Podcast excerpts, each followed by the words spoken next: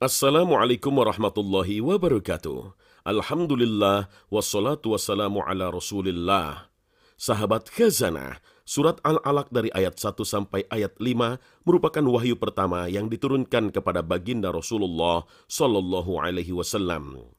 Menurut riwayat Imam Ahmad dari Bunda Aisyah radhiyallahu anha, beliau menceritakan bahwa permulaan wahyu yang disampaikan kepada Rasulullah Shallallahu alaihi wasallam berupa mimpi yang benar dalam tidurnya dan beliau tidak sekali-kali melihat suatu mimpi melainkan datangnya mimpi itu bagaikan sinar pagi hari.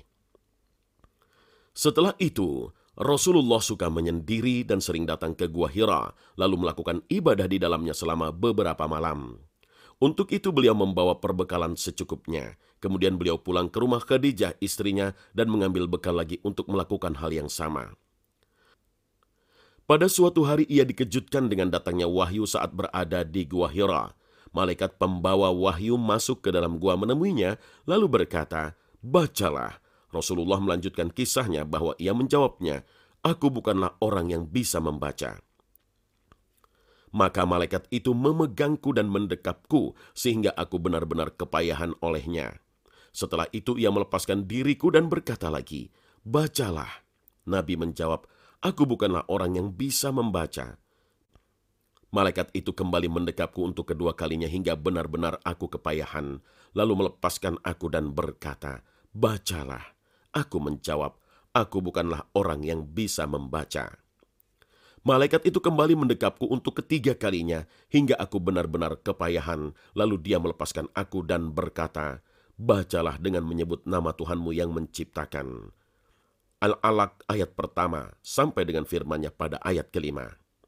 Setelah itu Nabi pulang dengan hati yang gemetar dan menemui Khadijah lalu berkata, Zammiluni, zammiluni, selimutilah aku, selimutilah aku. Maka Khadijah radhiyallahu anha menyelimutinya hingga rasa takutnya lenyap.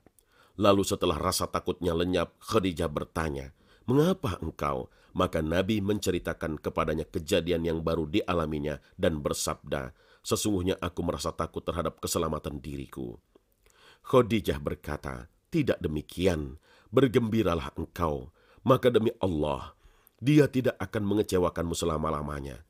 Sesungguhnya engkau adalah orang yang suka bersilaturahmi, benar dalam berbicara, suka menolong orang yang kesusahan, gemar menghormati tamu, dan membantu orang-orang yang tertimpa musibah. Setelah peristiwa itu, Khadijah membawa Nabi kepada Warakah ibnu Naufal, saudara sepupu Khadijah dari pihak ayahnya. Warakah telah masuk agama Nasrani di masa jahiliyah dan pandai menulis Arab. Lalu ia menerjemahkan kitab Injil ke dalam bahasa Arab. Usianya sudah lanjut dan ditakdirkan Allah tuna netra. Saat itu Khadijah bertanya, Hai anak pamanku, dengarlah apa yang dikatakan oleh anak saudaramu ini.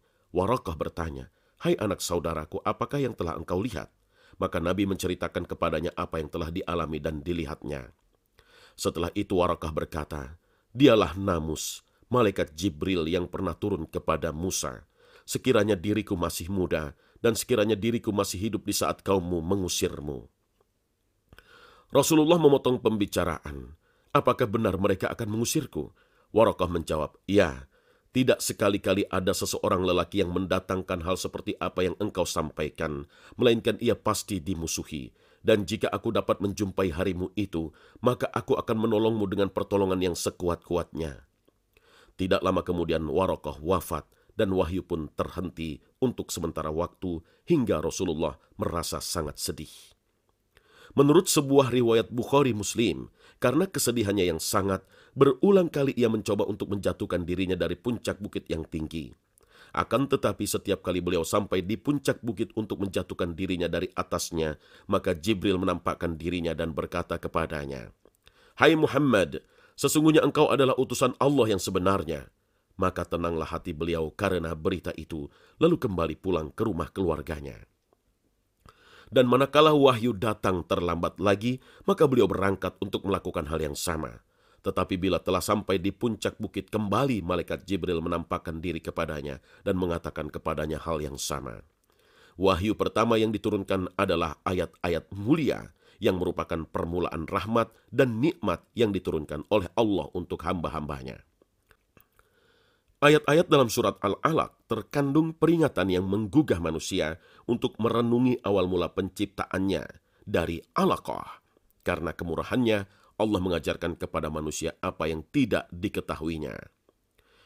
Iqra wa rabbukal akramul ladzi 'allama bil qalami 'allamal insana ma lam ya'lam.